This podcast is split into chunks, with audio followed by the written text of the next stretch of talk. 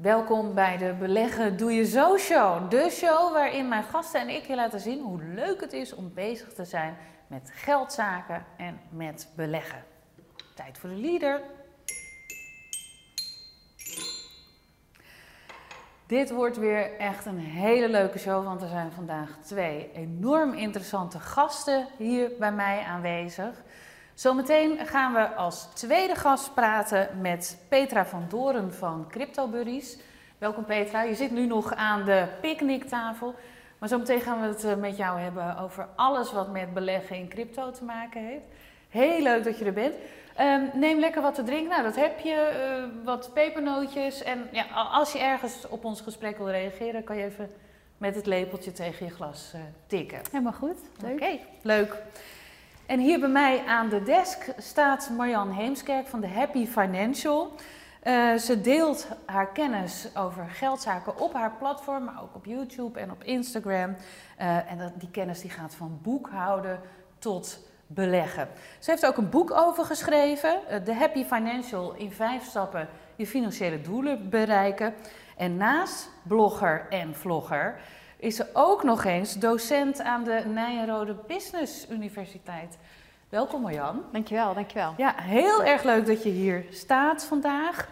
Jij bent uh, Happy Financial, maar ja. je bent begonnen als registeraccountant, hè? Ja. Wat, wat, is dat precies? Uh, een registeraccountant die controleert de financiële jaarrekeningen van klanten, van ondernemers. Dus die kijken naar de jaarrekening die een klant opstelt, een ondernemer. En dan gaan ze kijken, klopt het wat hier staat? Is het juist en is het volledig? En was het voor jou als uh, kind al duidelijk dat dat was wat je wilde worden, registeraccountant? Nee, nee, absoluut niet. Dus um, ik ben ook een beetje ingerold, moet ik heel eerlijk zeggen. Um, ik ben begonnen na mijn uh, VWO met uh, technische wiskunde de TU, dus echt iets totaal anders. Maar daarvan had ik na een jaar zoiets van, nou, dit is het toch niet. Ik was heel graag bezig met cijfertjes en met getallen en met puzzels, maar dat was toch een beetje te. En toen na een aantal beroepskeuzetesten kwam er dus uit, ja, Marjan, jij moet accountant worden. Dus toen uh, ben ik dat gaan doen en op die manier ben ik uh, in dat vak gerold. Ja, nou, ik ken ook wel iemand die heb ik meegemaakt toen hij die opleiding volgde. Dat is nogal een zware opleiding, hè? Ja, je doet het ook naast je werk. Dus je bent aan het werk en vervolgens ga je, uh, meestal is dat dan vrijdag, heb je vrijdag opleiding en uh, je de rest van de week aan het werk. En dat, dat is best wel een, een lang traject. Ja. Ja. ja. ja, en je bent nu ook naast je werk als uh, vlogger en blogger, ben je ook nog do docent. Uh, wat geef je dan precies ook, ook, ja, hoe noem je dat, registeraccountancy? Ja, het is echt aan accountancy-studenten. Dus uh, die zitten in de masteropleiding op Nijenrode. En ik geef heel veel verschillende vakken. Dus ik geef zowel statistiek, dus mijn liefde voor de cijfers, die blijft nog wel echt bewaard. Um, ik uh, zit ook in het wetenschapsjaar, dus ik leer ze hoe ze artikelen moeten lezen, moeten doorgronden. maar ook zelf weer die statistische analyses moeten uitvoeren. Dus best wel breed wat dat betreft. Ja.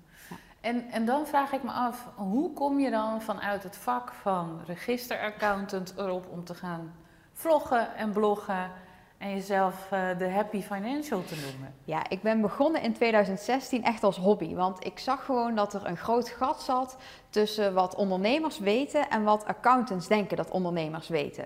Dus een van mijn eerste artikelen ging ook over BTW. Dus wat is BTW nou eigenlijk precies? En die begon ik heel eenvoudig met BTW is hetzelfde als omzetbelasting. En mijn collega-accountants lachten me echt gigantisch uit. Ja, dat snapt iedere ondernemer wel en daar kun je wel van uitgaan dat ze dat begrijpen. En aan de andere kant had ik juist ondernemers die zeiden van... oh, wat fijn dat iemand dit eindelijk online zet. Want ja, ik heb dat nooit begrepen. een paar hoor, die het ja. ook graag uh, van je gehoord hadden willen hebben. En precies, en die zeiden van, nou, ik heb dat nooit durven vragen. Dus ik, dus ik snapte het niet. En nu weet ik het, kan ik het lezen. En toen dacht ik, wacht even, hier zit wel echt wel wat meer in. Dus toen ben ik dat verder gaan uh, ontwikkelen. En uh, ja, ja, is het de Happy Financial. En jij maakt ook echt dagelijks content? Um, nou, inmiddels niet meer, want dat is, uh, dat is wel echt heel veel werk. Mensen ja. zien vaak niet hoeveel werk er zit achter het schrijven van een artikel, het maken van een video. Want ik vind ook wel dat de dingen die er staan, dat die echt moeten kloppen. Want ja, ik ben natuurlijk registeraccountant, dus die zijn van de feitjes ja. en de cijfers. Dus ik moet alles nog een keertje extra controleren. Dus daar zit gewoon heel veel tijd in. Dus, uh, um, jij weet heel veel van verschillende geldgebieden. Ik zie je dingen delen over ondernemen, over belasting, uh, nou, ook over beleggen. Uh, wat is nou een vraag die jou op dit moment heel veel gesteld wordt? Ik krijg, uh, als ik specifiek kijk naar ondernemers, krijg ik heel vaak de vraag van... Hey, hoe zit het nu met mijn salaris als ondernemer? Dat is een vraag die ik heel veel krijg, want ondernemers met een eenmanszaak of een VOF ehm, beseffen vaak niet dat zij en hun onderneming, zij in privé en hun onderneming één en dezelfde persoon zijn. Dus op het moment dat zij geld uit hun onderneming halen, dus vanuit hun zakelijke rekening naar hun privérekening storten, ze daar geen extra belasting over betalen. Want als ondernemer met een eenmanszaak of een VOF betaal jij belasting over je winst uit onderneming en niet zozeer over het geld wat jij overmaakt vanuit jouw zakelijke naar jouw privérekening. Dus daar zijn Ja. heel veel misverstanden over. Goh, en hoe, hoe kan dat dan? Want een BV heb je niet zomaar en dan gelden die regels toch wel? Ja. Ja, precies. Want op het moment dat je een BV hebt, dan betaal je dus eh, loonbelasting over je gebruikelijk loon. En dan moet je nog vennootschapsbelasting gaan betalen over wat jouw bedrijf aan zich betaalt. En dan heb je echt te maken met een rechtspersoon, dus de BV, de besloten vennootschap, en jou als privépersoon. Dus dat eh, wordt inderdaad wel weer een stukje ingewikkeld. Dus ik snap ook wel waar die verwarring vandaan komt bij heel veel eh, ZZP'ers met een eenmanszaak. Ja. Nou, ik hoop dat je het een beetje hebt opgehelderd voor de ZZP'ers. Als, je, als ZZP'er ben je gewoon één en dezelfde Ja. eh, persoon. Je bent een privépersoon, maar ook, je, bent, je bent ook je bedrijf. Ja. En bij een BV komen andere dingen kijken. ja, precies. Oké. Iedereen die hier komt, die onderwerpen wij aan een diepte-interview. En dat doen we met het Rad van Fortuin.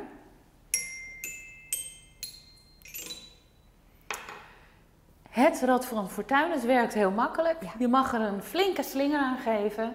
eh, niet te klein. En dan eh, waar die stopt, ja, die vraag moet je beantwoorden. Hier had ik heel veel zin in, dus eh, nou, nog steeds een beetje lafjes.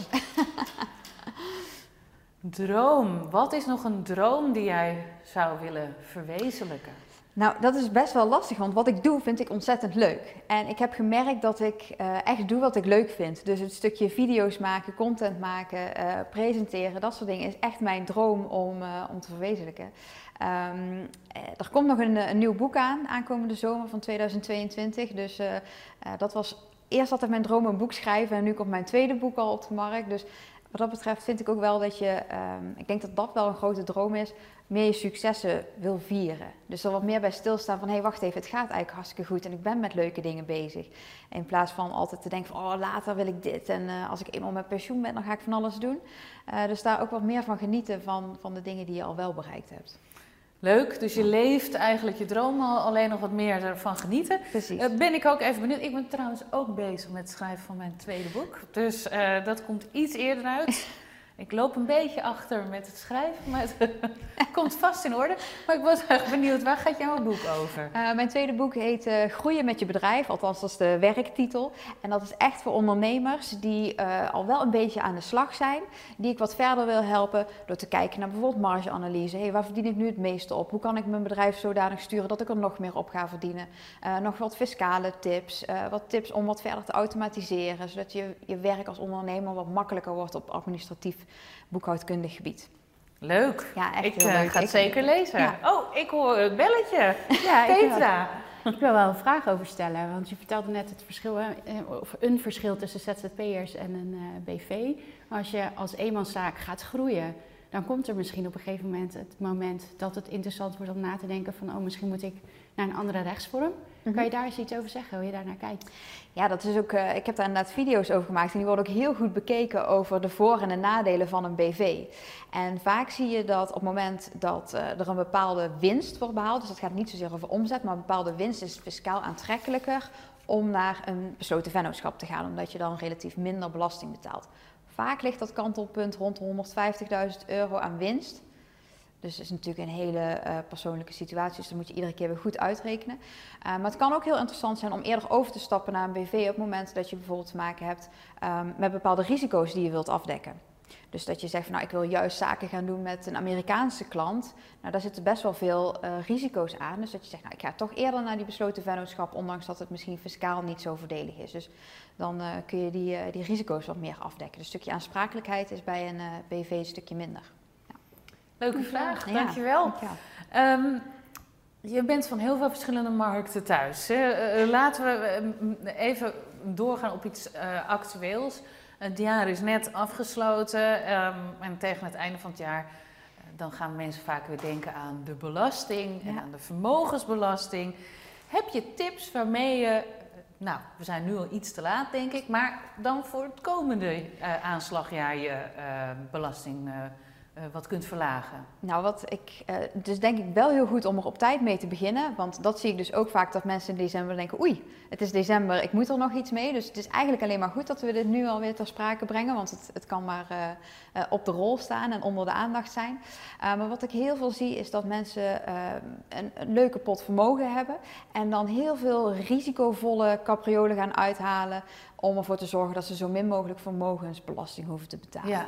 Maar heel eerlijk, als je kijkt naar hoeveel je moet betalen, ehm, heb je het over uh, een vermogen tussen de 50 en 100.000 euro, dan betaal je daar 0,59% over. Nou, dan hebben we het echt over een paar honderd euro op jaarbasis. Ja, maximaal hè. Dat is eigenlijk, ja. Om nou voor, voor 200, 300 euro een hele fiscale constructie te laten optuigen, waar je sowieso meer dan 300 eh, euro aan advieskosten voor kwijt bent, vind ik niet helemaal tegen elkaar opwegen. Dus uh, reken dat eerst even uit. Ja, en wat ik ook wel zie gebeuren is dat mensen om de, die paar honderd euro uh, te ontlopen, uh, dat ze dan plotseling een hele sloot geld gaan investeren in iets heel risicovols. Ja. Hè, waarvan het nog helemaal niet bewezen is dat je je geld terugkrijgt. Waarvan ik denk, nou, zou je dat wel doen? Mensen zeggen, hebben een beetje de, het idee van, oh bah, ik wil geen belasting betalen. Ik wil zo min mogelijk belasting betalen. En dat is natuurlijk ook wel een, een, een goed gegeven om er zoveel mogelijk gebruik te maken van de um, fiscale mogelijkheden die er zijn. Maar om op deze manier heel veel risico te gaan lopen om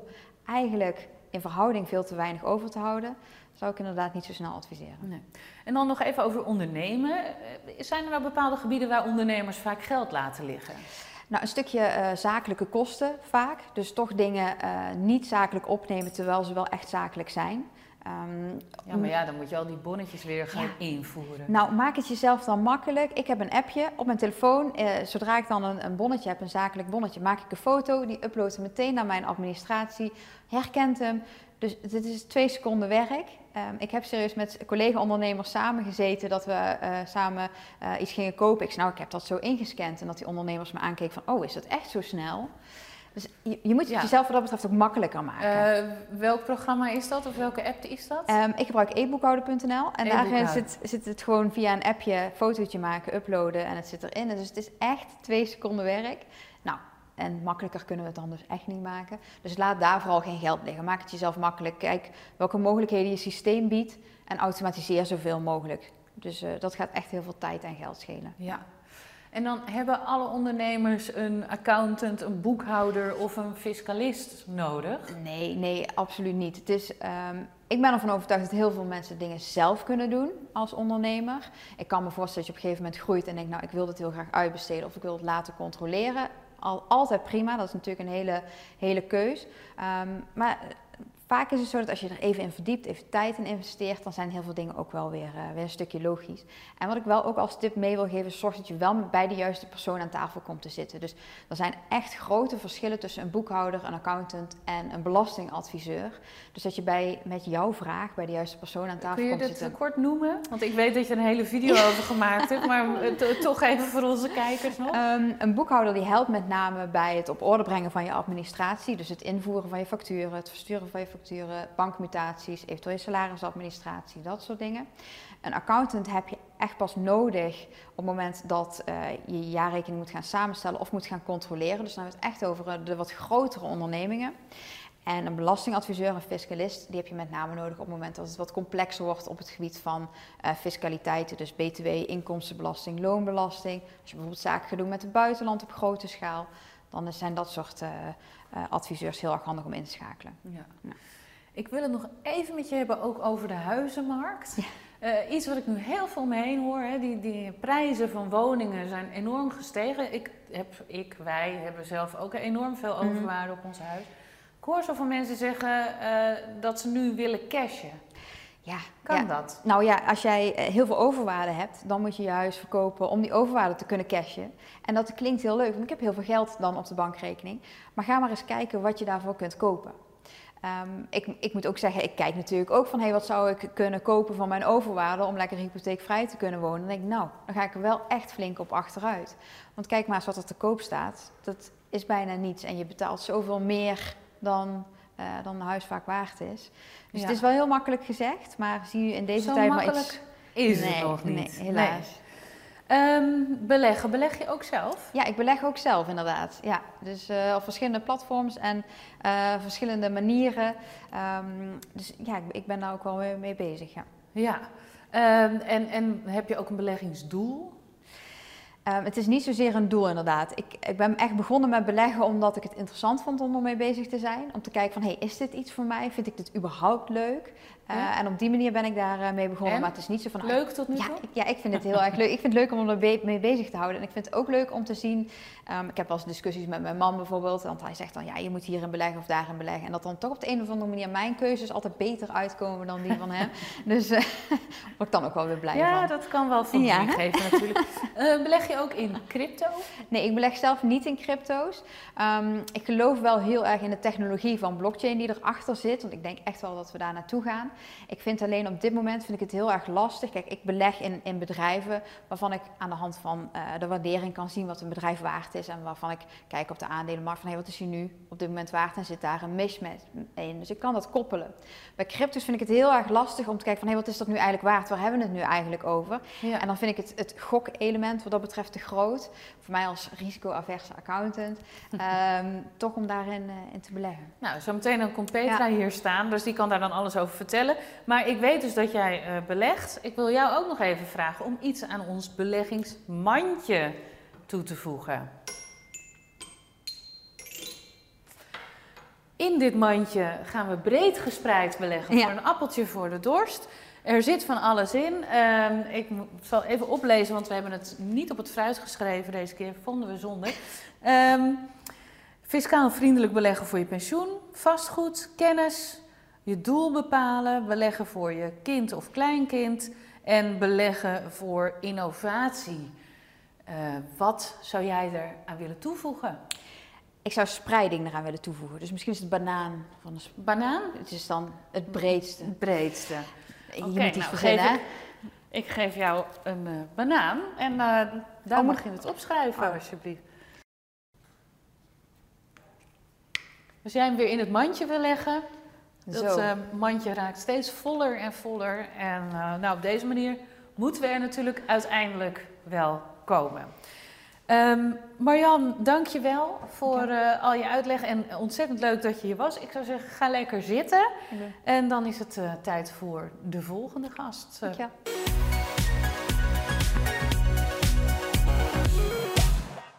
En mijn volgende gast is Petra van Doren van Crypto Buddies. En ze schreef ook dit boek. In 10 stappen je eigen bank.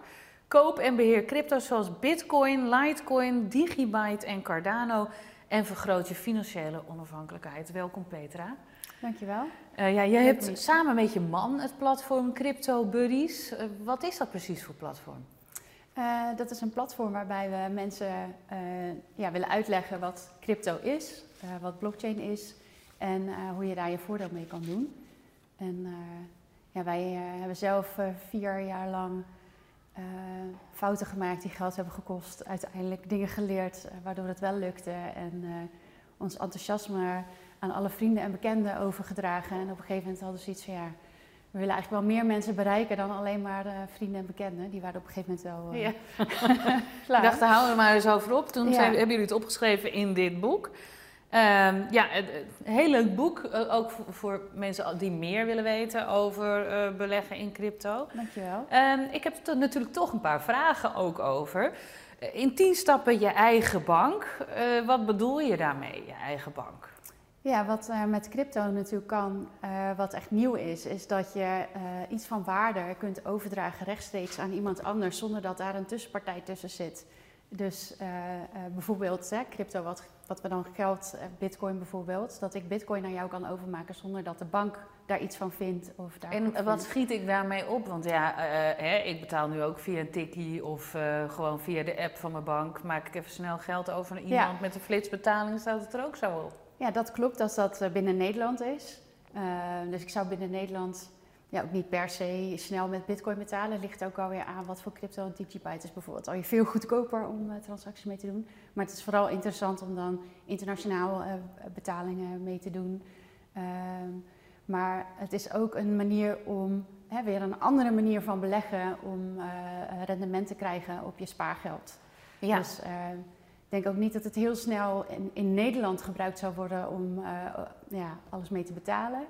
Eh, hoewel wij trouwens op Gran Canaria net, net terug van vakantie wel eh, alles met een eh, creditcard met crypto hebben betaald. Dus het kan wel. Oh, echt? Ja. Oh, grappig. Ja, ja, Ja. kan wel. Ehm, wat je ook schrijft, in, in- wat jullie schrijven in het begin van dit boek, is ook al eh, ja, dat bijvoorbeeld Bitcoin eh, of een andere crypto kan helpen bij een eerlijke verdeling van de welvaart. Wat moet ik me daarbij voorstellen? Ja, snap ik. Een eh, vraag die we vaker krijgen. Wordt, eh, wordt het gratis uitgedeeld? Nee, dat is natuurlijk niet zo. Eh, het zijn eigenlijk twee elementen wat maakt dat wij daar zo naar kijken.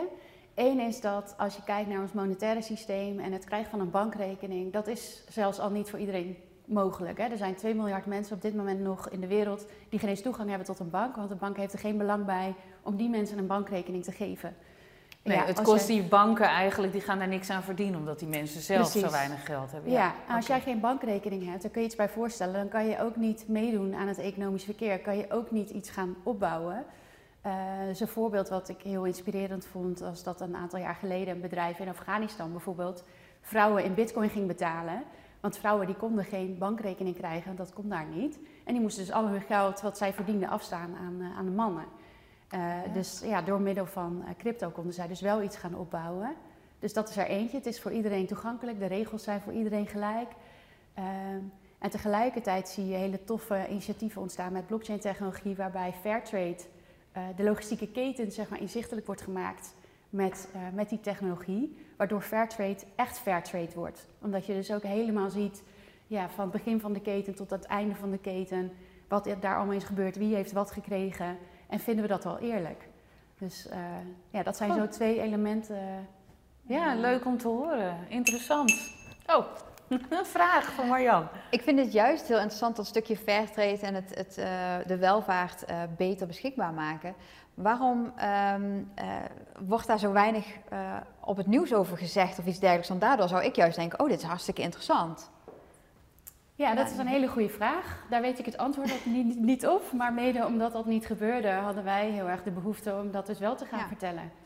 Omdat je juist inderdaad in het nieuws zie je eigenlijk alleen maar berichten over de bitcoin-koers is weer gecrashed of is weer omhoog of eh, dat soort. Maar eigenlijk helemaal niet over ja, alle mooie dingen die blockchain-technologie eh, kan gaan veranderen in de nee. wereld. Ja, als ik misschien voor sommige journalisten mag spreken, gaat het ook altijd een beetje om je eigen belang. Hè? Hoe dichter bij huis, eh, hoe belangrijker de meeste mensen het nieuws Ja. vinden. Ja, dat begrijp ik Ja. ook. Ja. Dat dat zo werkt. Maar goed, dit is eh, leuk dat we het hierover hebben. En hopelijk kijken hier heel veel mensen en luisteren er veel mensen en die weten dat dan ook. Eh, we gaan straks eh, verder praten, juist wel over die koers en over hoe je er geld mee kan verdienen en hoe je kan investeren in crypto. Maar eerst gaan we naar het Rad van Fortuin. Spannend. Ik zou zeggen, flinke slinger. Grootste klapper. Kijk. Wat is de grootste klapper die je ooit gemaakt hebt? Eh, dat is eh, denk ik toch wel onze investering in Cardano geweest. In Cardano. Ja, dus dat is een cryptomunt. eh ja, daar zijn waren wij eh, vroeg bij. En ja, dus daar hebben we echt wel... We hebben op dit moment ook geen eigen geld meer in de crypto zitten. Alles wat er nog in zit, dat is gewoon pure winst. Oké, en kan je Ja. iets zeggen over hoe, hoeveel heb je daar dan aan verdiend? Eh, nou ja, dat gaat natuurlijk nog steeds een beetje op en neer, want zo werkt Ja. het met, eh, met de koersen. Maar eh, ja, wij zijn op dit moment allebei financieel vrij en hoeven niet, niet te werken de komende tijd. Dus, Wauw, en dat kwam ja. met name door je belegging in Cardano. ja, wel meer crypto's, maar Cardano was wel, als het dan gaat om de grootste klapper, dan was dat Cardano. Ja. Maar hoe hebben jullie dat dan gedaan? Ja, ik, ik probeer me er even wat bij voor te stellen. Hoor. Hoe is dat dan gegaan? Op een dag dachten jullie, hey, ook leuk, een nieuwe munt. Of eh, misschien bestond die al een tijdje. En, en- en stop je dan al je geld erin? Hoe gaat zoiets? Eh, ja, dat is wel een heel proces geweest. Eh, mijn man die was als eerste enthousiast over crypto's überhaupt. Ik had daar eerst nog helemaal niet zo. En toen hij begon te begrijpen van nou, blockchain, eh, daar wil jij ook iets meer van weten. Ik was toen ook nog controller bij, eh, bij de overheid. Eh, dus toen gingen we ons ook wat meer verdiepen in van oké, maar welke projecten voegen nou ook echt iets toe? Want je hebt heel veel verschillende soorten crypto's. En uh, niet elke crypto-munt heeft een eigen blockchain en voegt ook echt waarde toe. Als je kijkt naar wat de werking is. Uh, uh, dus daar, op die manier hebben we echt gezocht naar projecten die meerwaarde hebben. En, en Cardano is zo'n project die ook heel veel toffe dingen doet in, in bijvoorbeeld Afrika. Om mensen een digitale identiteit te geven. Of toegang tot het zorg, zorgverzekering. Allemaal dat soort achtige dingen. En het is natuurlijk zo'n nieuwe technologie, dus als je snel toffe projecten ontdekt die ook echt waarde toevoegen, ja, dan kan je daar gewoon uiteindelijk zelf ook wel heel veel geld aan verdienen. Ja, maar dan, vraag ik me toch af, waren jullie al behoorlijk vermogend en hebben jullie er toen een paar ton ingestoken? Of moet ik denken aan, ja, ik weet het niet, een bedrag van 10.000 euro, wat dan ineens is gegroeid naar zoveel dat jullie nu niet meer hoeven te werken? Uh, nee, we waren zeker niet vermogend. En we hebben toen we begonnen ook de fout gemaakt dat een beetje spaargeld wat we hadden eind 2017 in één keer erin gestopt. Nou, toen knalde de koers in elkaar. dus dat zouden ook niemand adviseren om gelijk al je spaargeld erin te stoppen. Zeker niet als het net gestegen is. Maar op het moment dat we dus echt begonnen te begrijpen wat het inhield, zijn we wel al ingegaan in de zin van ja, ik werkte toen gewoon nog als controller. mijn man ook nog in de offshore. Dus we hebben op dat moment er wel voor gekozen om alles wat we over hadden, staken we in de crypto. Dus, dus, dus uh, je kon rondkomen en dan wat je kon sparen, dat spaarde je niet, maar dat stak je allemaal in klopt. crypto. En niet in maar, één crypto, maar in meerdere klopt. verschillende crypto. Ja. En dat hebben we een paar jaar gedaan. Ja, dit jaar. Hoeveel jaar is ongeveer zijn jullie daarmee bezig geweest? Totdat je 2017 dus... zijn we begonnen. En ik heb dit jaar heb ik vaarwel gezegd aan het interim uh, Echt waar? 2021, dus vier jaar. Ja. En uh, nu leveren die beleggingen jullie ook uh, zoveel op dat je elke maand gewoon je maandelijkse ja, onderhoudskosten eruit kan halen, zeg maar levensonderhoud. Ja, ja. het is nog niet, we hebben het nog niet zo georganiseerd dat er ook uh, voldoende passief inkomen voor altijd is. Uh, maar dat is ook niet per se het doel. Uiteindelijk ja, staan wij heel erg in het leven dat je uiteindelijk vooral wilt doen waar je gelukkig van wordt, waar je hart, vanuit je hart werken, leven. En uiteindelijk, ja, ik ben nu bezig mezelf te ontwikkelen tot NLP-trainer en coach. Ja, daar kan ik niet zoveel mee verdienen als dat ik als uh, interim controller kom, maar daar word ik wel veel gelukkiger van. Dus uh, uiteindelijk zie ik het vooral als iets wat het mogelijk maakt om een droomleven te gaan leiden. En ik hoef er niet voor altijd van te kunnen leven. Nee. Dus, maar voor nu is het gewoon een aantal jaar dat we zeker weten dat er gewoon genoeg geld is. En uh, dat we die stappen kunnen zetten richting. Ja, dus het heeft jou eigenlijk wat meer uh, speelruimte gegeven Precies. om te kunnen kiezen eigenlijk voor een andere carrière. Klopt, ja. Heel interessant. Um, dan had je het, Cardano zei je, dat was de grootste klapper waarschijnlijk. En dan zeg je, uh, Cardano voegt waarde toe met allerlei projecten. Hoe moet ik dat voor me zien? Want ik denk, het is een cryptomunt. Ja, het gaat uiteindelijk om uh, de onderliggende technologie van die cryptomunt. Cardano is de cryptomunt van de Cardano blockchain. En uh, ja, met die blockchain zijn allerlei toepassingen mogelijk. Uiteindelijk, ja, wat blockchain technologie mogelijk maakt, uh, heel plat gezegd, is dat je dus informatie die waarde heeft, kunt opslaan op zo'n manier dat het niet op één centrale database staat, maar dat het overal ter wereld toegankelijk is en dat het veilig is en dat het niet gehackt kan worden. En dat je ook het eigenaarschap daarvan uh, qua tijd en plaats, dat dat niet betwistbaar is. Uh, en dat uh, op het moment dat ik iets overdraag aan jou, dat we allebei 100% zeker weten dat dat klopt. En dat er ook niet nog ergens een kopie ligt waar iets anders in staat. Ja, want eigenlijk checkt die blockchain de hele tijd. Hey, jij betaalt zoveel, die ontvangt precies dat bedrag. Dat ja. klopt. Dat, dat, was eerst van jou, nu is het van die ander. Ja.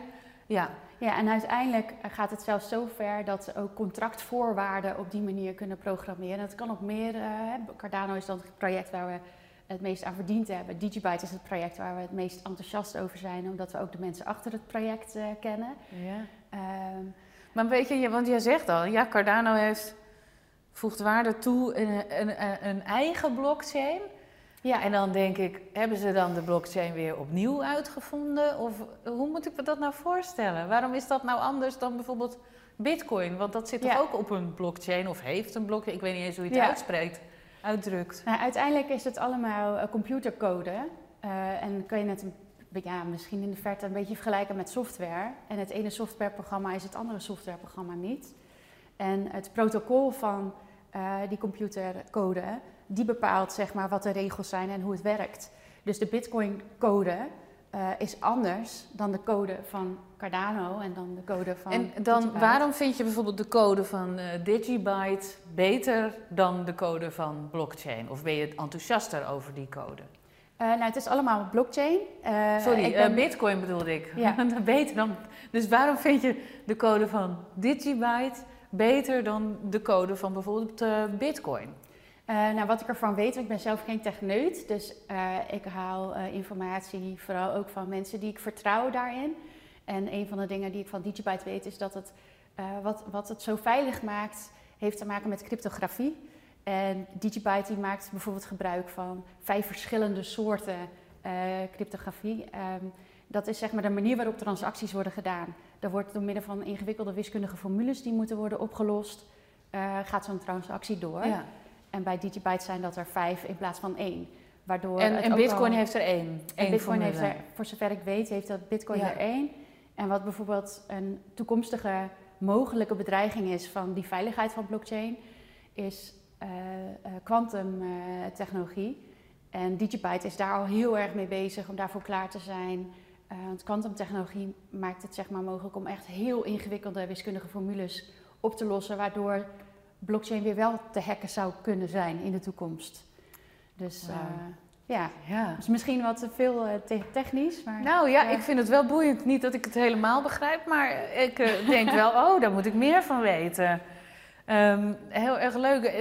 En als we het hebben over het investeren in crypto's. Hè, terwijl we dit gesprek voeren, staat Bitcoin rond een koers, nou eigenlijk wel vrij hoog, rond de 60.000 dollar. Ehm, net iets eronder, denk ik. Maar Ehm, wat, wat, als je nou wel eh, zou, zou- nou, zou- la- laat ik beginnen met, is dit nog een moment om bitcoin te kopen? eh, sowieso denk ik van wel, maar niet met al je spaargeld tegelijk. Ik heb het Ja. eerdere eh, gasten van deze show ook al horen zeggen. Als je ergens in wil gaan investeren, doe dat dan in kleine stapjes. Ja. En dat zou zeker met crypto doen. eh, want crypto is, ja, bitcoin ook, die koers die is zo, eh, die schommelt zo, dat je kunt maar net op het verkeerde moment eh, instappen. Dat hebben wij ook Ja. ervaren. En eh, En dan zou je dus ook zeggen van niet in één zo'n crypto, maar in meerdere verschillende. ja, ja maar niet zomaar in elke. Want dat is ook nog wel iets waar mensen zich in vergissen. Ja. Dan denken ze van, oh die koers staat laag, dus daar kan nog veel aan verdiend worden. Maar als dat een, ja, sorry voor mijn taal, een zogenaamde shitcoin is, Ja. eh, die helemaal geen eh, waarde heeft en niks toevoegt. En soms zie je ook al eh, eh, mensen die het proces, die, die goed snappen hoe het werkt, die zetten een of andere marketingmachine op om zo'n shit token helemaal eh, te promoten. En daar trappen mensen dan in. Ja, en die want waren dat kwijt. bijvoorbeeld ook die dodgy coins of zo? Of, eh, of is dat geen shitcoin? Is dat inmiddels nee, een dat zou, ik echte... geen, dat zou ik geen shitcoin noemen. Eh, het is niet zo'n goede als eh, de andere die ik heb genoemd. Want hij is ook weer afhankelijk van een andere blockchain. Hij, heeft niet, hij staat niet helemaal op zichzelf. ja. Ehm, maar een, een voorbeeld van een shitcoin is Diamond Hold. Daar werd op een gegeven moment eh, door eh, mensen ook reclame voor gemaakt op ons eigen platform. Ja, dat was echt heel duidelijk als je kijkt naar de omschrijving op de website van die, eh, van die token. En ziet wat het eh, met de waarde heeft gedaan. Ja, dan, dan kan je echt wel één en één bij elkaar optellen dat het niet klopt. Dus eh, het is echt wel heel belangrijk. Ja, spreiden is, is goed en belangrijk. Maar steek niet zomaar overal je geld in.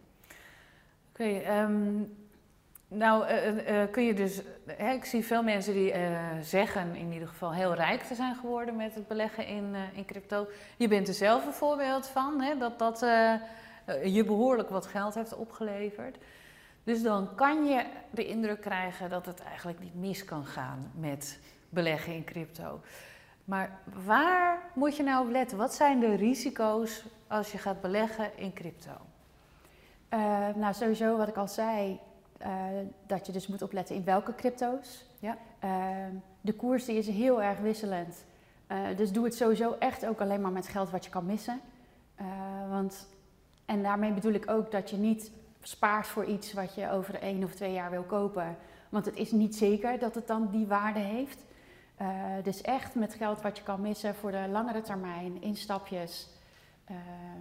En eh, vind jij dat je de hele dag achter je scherm moet zitten om te kopen en te verkopen? Dat handelen? Nee, ik geloof daar niet zo in. Nee, er zijn mensen die zijn daar, die, ze bestaan die er goed in zijn, maar in mijn beleving is dat traden toch echt ook wel een beetje gokken. Want ik geloof gewoon niet in dat je de koers kan voorspellen. Je kunt een risico-inschatting maken, je kunt een kans berekenen op basis van grafieken. Maar dat is altijd op basis van data vanuit het verleden. En hoe, waar het naartoe gaat, ja, er kan van alles gebeuren. We zitten nu in een of andere crisis waar we een paar jaar van geleden ook nooit hadden gedacht dat dat zou kunnen gebeuren. Je weet het gewoon niet. Nee. Dus, uh, nou, ja, kan Marjan. Ik vind het super interessant. En ik, ik vraag me ook af waar je nou uh, als beginnend crypto-belegger het beste informatie vandaan kunt halen. Want er staat zo ontzettend veel online. En je zegt ook precies, ja, er zijn ook dingen, uh, net zoals de shitcoin. Uh, mensen die niet het beste met je voor hebben. Dus hoe kun je nou als beginnend crypto-belegger daar een beetje het kaf van het koren scheiden? Mooie vraag. Ja, dankjewel voor die mooie vraag. Ik zag jou al met ons boek nou, sowieso begint het echt met je inlezen. Mhm. En uh, uh, er zijn inmiddels natuurlijk ook al best wel wat mensen mee bezig. Dus zoek ook in je eigen netwerk van mensen die er echt wel wat, wat met meer kennis van hebben. En je kan inderdaad dus ook bij uh, mensen zoals ons terecht met ons boek. en, maar inderdaad, het is echt belangrijk om je, om je goed in te lezen en niet zomaar iedereen te vertrouwen. En if it sounds too good to be true, it probably is. Dus ja. Die moeten we ook allemaal onthouden. Hey, ik heb eigenlijk nog uh, twee vragen voor je. Voordat ik nog even naar het mandje wil. Maar um, ik ben benieuwd, wat is een NFT? Dat hoor ik ook steeds. Ja, ja dat is een non-fungible token. Uh, in ons boek noemen we het een asset token. Want NFT dat is echt een hype van de laatste tijd. Uh, maar wat het is, dat is een, een, token die kan eigenlijk alles representeren en die is uniek. Dus bijvoorbeeld een bitcoin, één bitcoin ja, uh, dat zijn dezelfde bitcoins, maar een non-fungible token, dat, ja, dat kan een kunstwerk representeren of uh, het eigendomsbewijs van iets of een diploma, dat kan van alles. Waar je nu veel in hoort is dat mensen van die digitale pixels met elkaar uitwisselen. Dat is dan uniek en daar gaan ze dan heel veel geld voor betalen. Ja, daar heb ik persoonlijk... Een digitale pixel. ja. Ja, dat is iets wat ik zelf ook niet zo goed begrijp. Dus uh, daar kan ik geen enthousiaste verhalen over vertellen. Oké. En ik heb nog een vraag van als je nou wil beginnen met uh, crypto. Ik heb zelf een uh, rekening waarmee ik dan, nou ja, dan moet ik dan maar geloven dat ik daar iets van bitcoin mee heb gekocht. En iets van Litecoin heb ik geloof ik ook.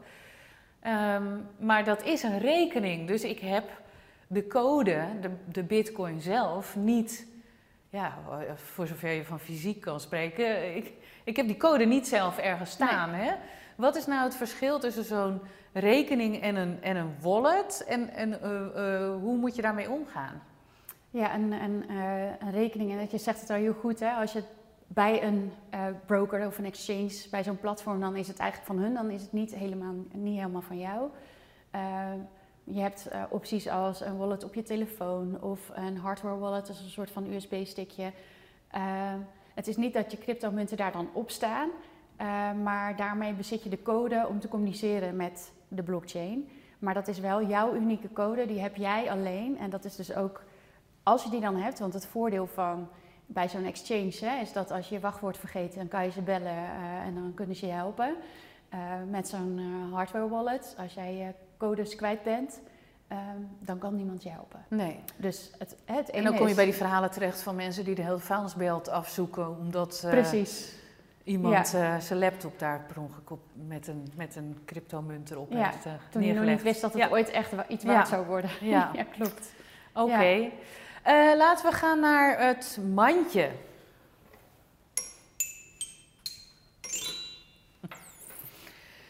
In dit mandje beleggen we voor een appeltje voor de dorst. Nou, er zit er van alles in. Uh, je hebt net gezien dat uh, Marian er spreiding aan heeft toegevoegd. Je mag dus van alles eh, waar ja. je in kan investeren, uh, mag je erbij leggen. Wat zou jij erbij willen stoppen? Ja, ik, uh, ik, ik ga daar nog geen crypto in stoppen. Ik hoop dat iemand na mij dat een keer gaat doen. Maar ik ga er opleiding in persoonlijke groei in stoppen. Opleiding in persoonlijke groei. Eh, sinaasappel of eh, voelt het meer als een citroen? Ja, het is wel heel veel vitamine C en si- ja, sinaasappel. Sinaasappel, het is wel lekker. Het is wel lekker, maar het is ook een beetje zuur. Je moet wel ergens doorheen. Ah, hier is de Eh, pen, stift. ja. Wil je dat erop schrijven? Een opleiding in persoonlijke groei. Nou, het staat erop. Leg hem maar terug. Dus investeren in jezelf. Ja, hele mooie bijdrage, hele mooie sinaasappel. Eh dankjewel Ja. Petra. Eh, tot slot, eh, we hebben nog iets leuks hè, want we mogen een paar keer Ja. dit boek weggeven. Hoe vaak mogen we hem weggeven? Drie keer. Drie keer. Dus wil je kans maken op dit boek van Petra en haar man over beleggen in crypto? Laat dan even wat achter in de comments. En ja, wie weet win jij hem dan wel. Ik neem eh, zelf even contact met je op dan. Je hoort het vanzelf als je gewonnen hebt. Hoor je niet, dan heb je niet gewonnen. Ehm, de mensen die de vorige keer hebben gereageerd op eh, de leuke weggever van eh, Rabi Savi, eh, het abonnement op de belegger, die hebben inmiddels contact gekregen. Van harte gefeliciteerd met je abonnement. Ehm, ja, dit was het alweer. De beleggen doe je sowieso zit er alweer op. Eh, wil jij met jouw kijkersvraag in deze uitzending? Stuur dan even een video of een audiobericht naar eh Janneke Willemsen op Instagram. Mag ook via de mail. Mail blondjesbeleggenbeter. Wel doen, want dan kan ik de volgende keer weer leuk een kijkersvraag aan mijn gasten voorleggen. Ja, alle links met meer informatie over Marjan, maar ook over Petra, die vind je hieronder in de description. Dankjewel voor het kijken. Ben je nog niet geabonneerd? Abonneer je dan even en druk op het belletje. En dan krijg je vanzelf weer een berichtje als we de volgende keer weer terug zijn met de Beleggen Doe Je Zo Show. Dankjewel voor het kijken en heel graag tot de volgende keer.